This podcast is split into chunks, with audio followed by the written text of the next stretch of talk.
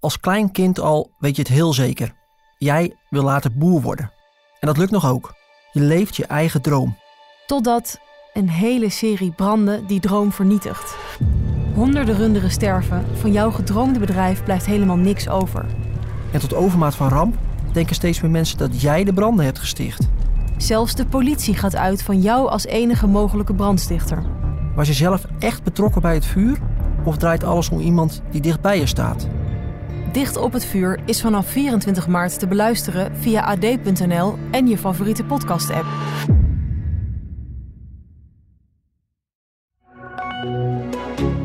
Hoewel cocaïne in het dagelijks leven ehm, heel gewoon lijkt te zijn geworden, eh, is het toch echt niet zo dat um, verdovende middelen niet een gevaar zijn.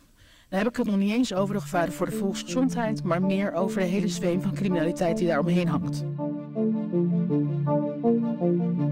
Wat doe je als het bewijs tegen je overduidelijk is? Ga je de strijd met het OM dan aan of ga je akkoord met een deal? Mijn naam is Emma Thies en je luistert naar de Zaak X. Een podcast van het AD in samenwerking met het Podcastkantoor, waarin we wekelijks een spraakmakende rechtszaak bespreken. Met deze week de kooksoldaat.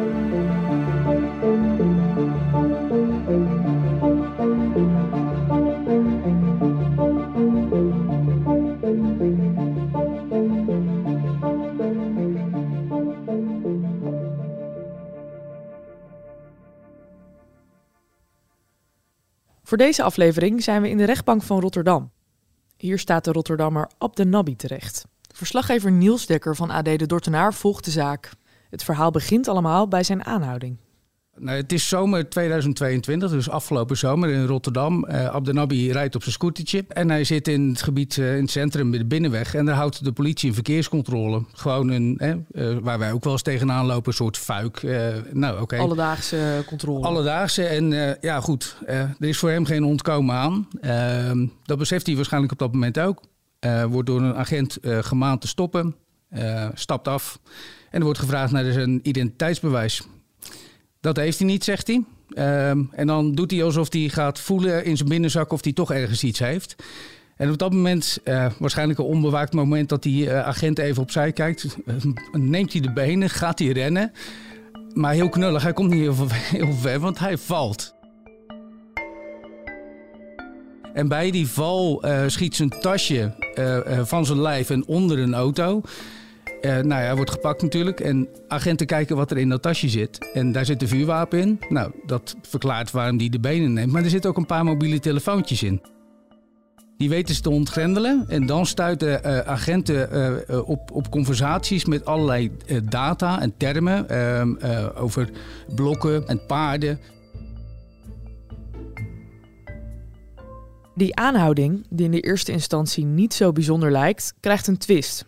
Abdenabi is namelijk niet zomaar een jonge jongen op een scooter zonder ID-kaart. Hij blijkt te werken voor een drugsbende.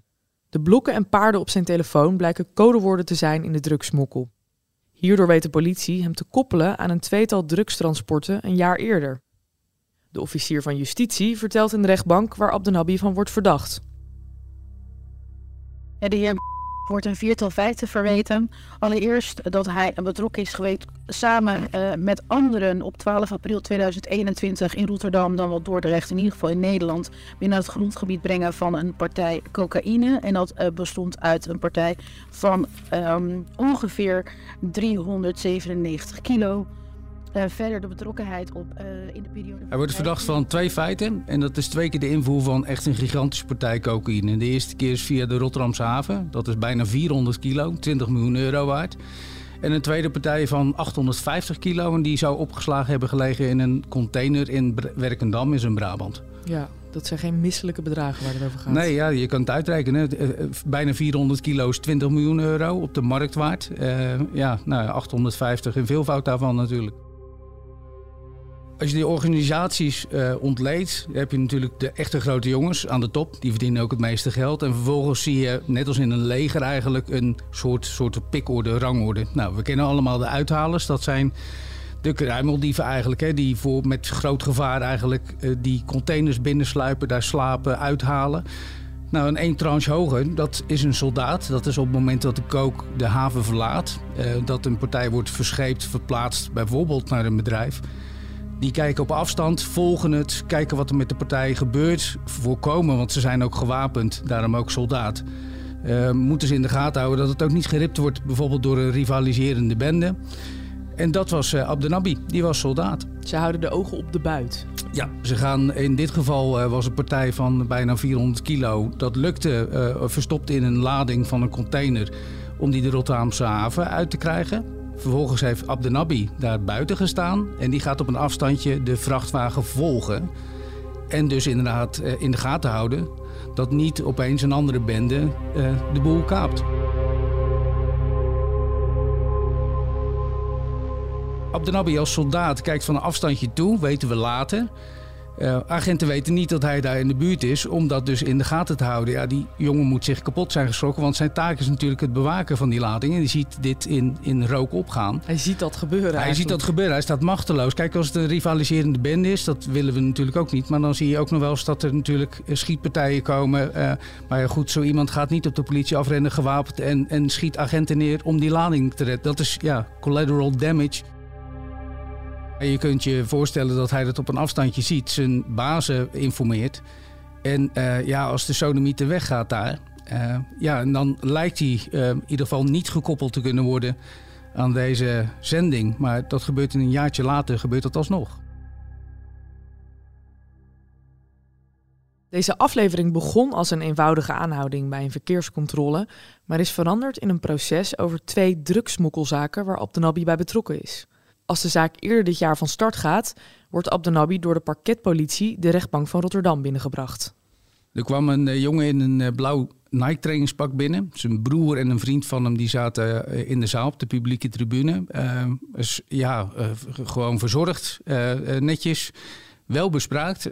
ook geen domme jongen. Maar veel ging hij niet vertellen over wat er nou gebeurd was. De rechter ging hem uh, wel wat dingetjes vragen. Ook al was op voorhand duidelijk dat hij zich altijd heeft beroepen op zijn zwijgerecht. Uh, maar er kwam toch een gesprek tussen de rechter en Abdenabi. Uh, er werd dus een beetje gepraat over zijn verleden. En opvallend was dat Abdenabi na zijn arrestatie opeens is verdwenen voor zijn aanstaande schoonfamilie, vertelde hij. Hij had de hand gevraagd van een vrouw. Hij zei ik heb mijn leven op orde.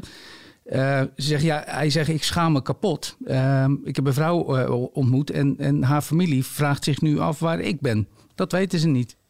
Rond de inleidende zittingsdag krijgen Abdenabi, die dan bijna gaat trouwen, en zijn advocaat een ongebruikelijk voorstel. Het OM wil namelijk praten over een deal waardoor de rechtszaak minder lang duurt. Een schikking die het Openbaar Ministerie een hoop tijd kan besparen. Het is officieel, juridisch gezien, een procesafspraak. Dat wilde zijn advocaat ook echt benadrukken. Want een belangrijk onderdeel van de procesafspraak is niet dat een verdachte verplicht is om openheid van zaken te geven. Maar dat hij akkoord gaat met de straf die het Openbaar Ministerie hem voorschotelt. En dat hij, als hij daar ja tegen zegt, dat hij, uh, en het wordt geaccepteerd door de rechtbank, dat hij geen hoger beroep mag instellen, dat hij geen onderzoekswensen mag indienen. Dus uh, bijvoorbeeld wat een advocaat anders had gedaan, is heel veel getuigen uh, misschien laten verklaren van ja, maar dat kan helemaal niet, want hij was toen bij mij. Daar ziet hij allemaal vanaf. Maar je zei net, wie praat, die gaat praten is dus nu niet echt het geval. Nee, en dat benadrukte hij zelf, maar ook zijn advocaat. Um, het is niet bij een procesafspraak dat de verdachte dus alles vertelt. Oftewel dat hij een soort kroongetuige wordt. Nee, dat, want dat zie je bij zo'n klassieke deal wel eens. Hè? De, de verdachte praat en krijgt strafvermindering als, als... Ja, nou dat zie je in Amerika bij mijn weten ook wel. Van, joh, als iemand inderdaad uh, uh, zegt dat hij het heeft gedaan, toegeeft... dan ontloopt hij bijvoorbeeld in Amerika de doodstraf en krijgt hij levenslang. In Nederland is het dus wel echt heel duidelijk anders. En dat is in deze zaak omdat uh, ja, ook zijn familie bang is voor de gevolgen. Als de indruk zou ontstaan bij de kookbazen, uh, die geweld niet schuwen, dat ze denken: oh, hij heeft een soort deal gesloten. oh, dan zal hij ook wel hebben verteld met wie hij allemaal contact heeft gehad. In een interview met Niels vertelt advocaat Sander Jansen over hoe deze deal tot stand is gekomen. Nou ja, natuurlijk is het zo dat je tot op zekere hoogte een inschatting maakt. Uh, waar zou de zaak op uit kunnen draaien als we geen afspraken met het Openbaar Ministerie zouden sluiten? Stel je voor dat ik allemaal mensen als getuigen kan horen en ik kan onderzoek doen. Vallen dan stukken van de lastlegging weg?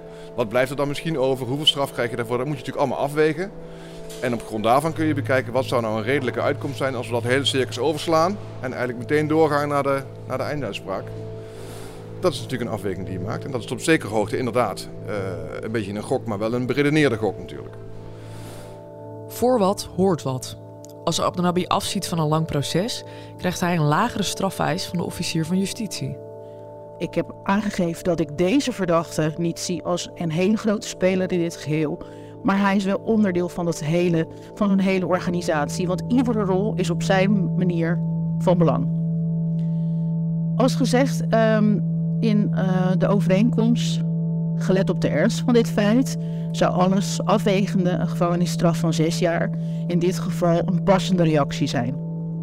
Omdat wij tot afspraken zijn gekomen, meen ik dat uh, een derde strafkorting in dit geval passend is. En om die reden vorder ik een gevangenisstraf voor duur van vier jaar en vrijspraak dus voor feit 3.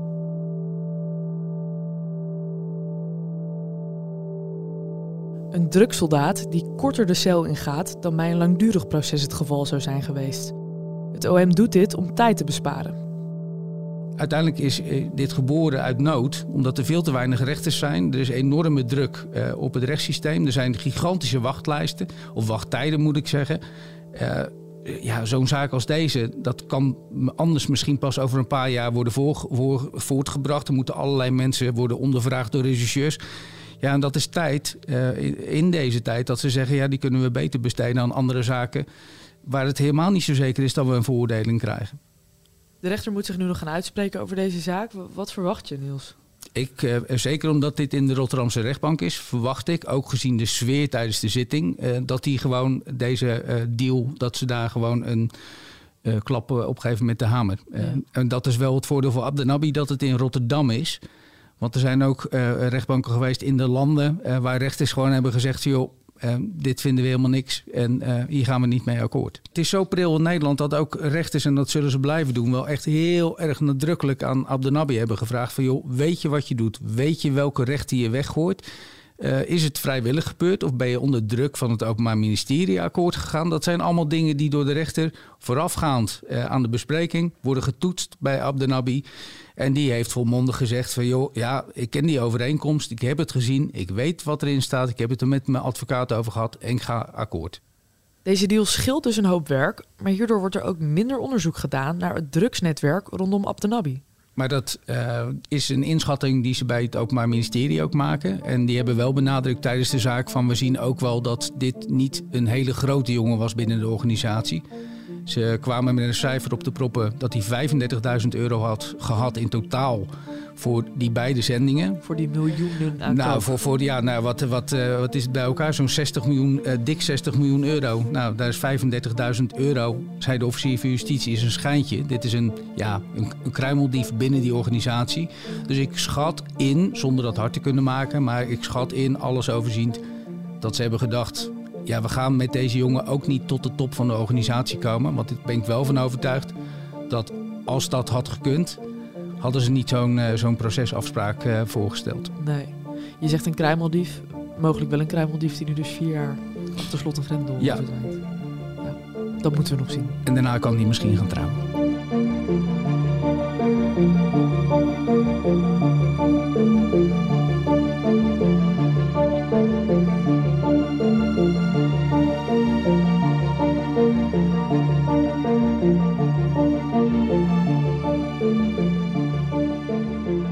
De Zaak X is een wekelijkse podcast van het AD. Deze aflevering werd gepresenteerd door mij, Emma Ties. Aan deze podcast hebben meegewerkt David Achter de Molen van het podcastkantoor, Rick Bolt, Gijs de Koning, Juliette Spierenburg, Deborah Boekhout en Joost de Kleuver. Zodra de uitspraak in deze zaak bekend is, vind je hem op ad.nl slash dezaakx. Hier vind je ook artikelen over de andere zaken uit deze podcast. Vond je dit een goed verhaal? Laat dan vooral even een review achter, zodat we beter vindbaar worden voor nieuwe luisteraars. En wil je ook de volgende aflevering niet missen? Abonneer je dan op dit kanaal.